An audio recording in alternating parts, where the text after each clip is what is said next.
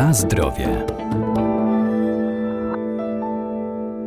Zapotrzebowanie żywnościowe człowieka jest różne w zależności od jego wieku czy trybu życia, dlatego codzienna dieta powinna być dobrze zbilansowana, zróżnicowana, a także dobrana do indywidualnych potrzeb, ale moda na zdrowy tryb życia spowodowała, że wiele osób zmienia swoje nawyki, wprowadzając różnego rodzaju modele żywieniowe. Dużym zainteresowaniem cieszą się wciąż semi-wegetarianizm i witarianizm.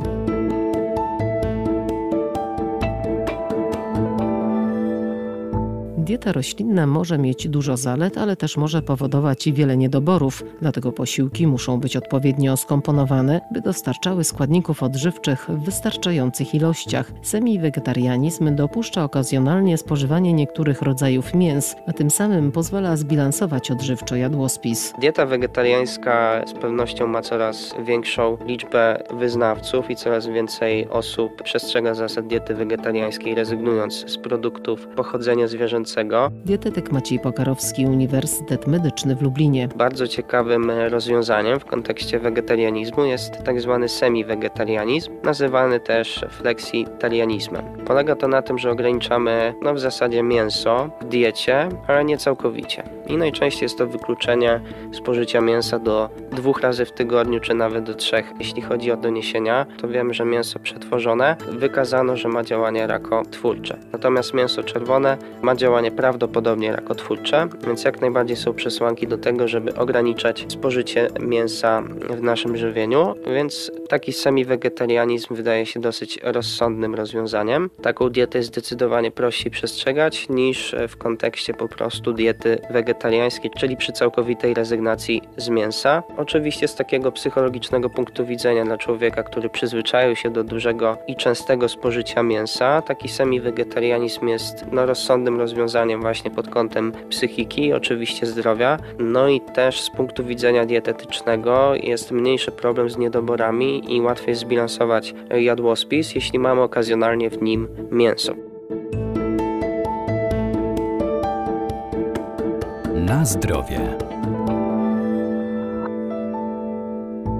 Witarianizm jest stosowany głównie przez osoby, które chcą zrzucić zbędne kilogramy, czy też oczyścić organizm. Jest to tak naprawdę dieta oparta tylko i wyłącznie o produkty roślinne, dodatkowo nie poddane obróbce termicznej, no i zazwyczaj taką granicą jest temperatura 42 stopni. Tak jak sama ta definicja mówi, opieramy się o warzywa, owoce, pestki i nasiona. Natomiast co jest istotne w witarianizmie jest to, że mamy tak naprawdę dwa modele. Jeden z nich to jest tak zwany 80-10-10, a drugi 95,5.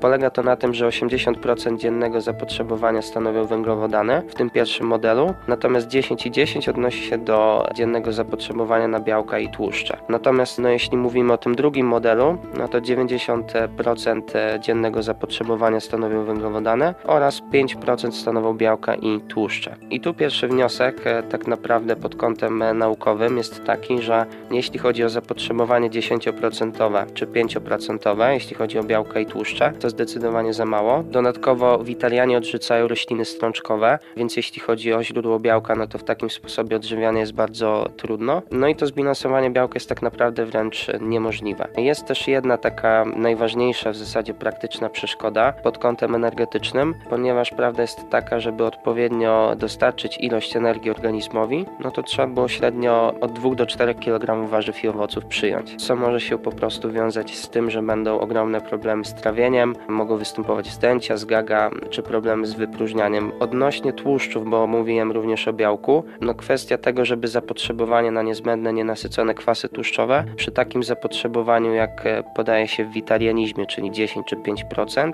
no jest to po prostu też niemożliwe, tak samo jak w kontekście białka. Pod kątem tak naprawdę czy to składników mineralnych, to mamy ogromny problem z witaminą D i wapniem, czyli między innymi tutaj będzie e, ryzyko występowania złamań po prostu, czy też regeneracja układu kostno-szkieletowego przy różnego rodzaju e, kontuzjach będzie bardzo utrudniona. To samo w kontekście witamin z grupy B, gdzie tak naprawdę dla przykładu witamina B12, no to tam głównym źródłem są produkty zwierzęce.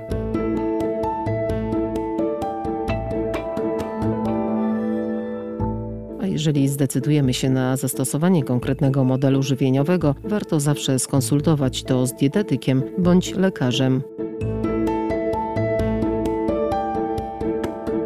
Na zdrowie.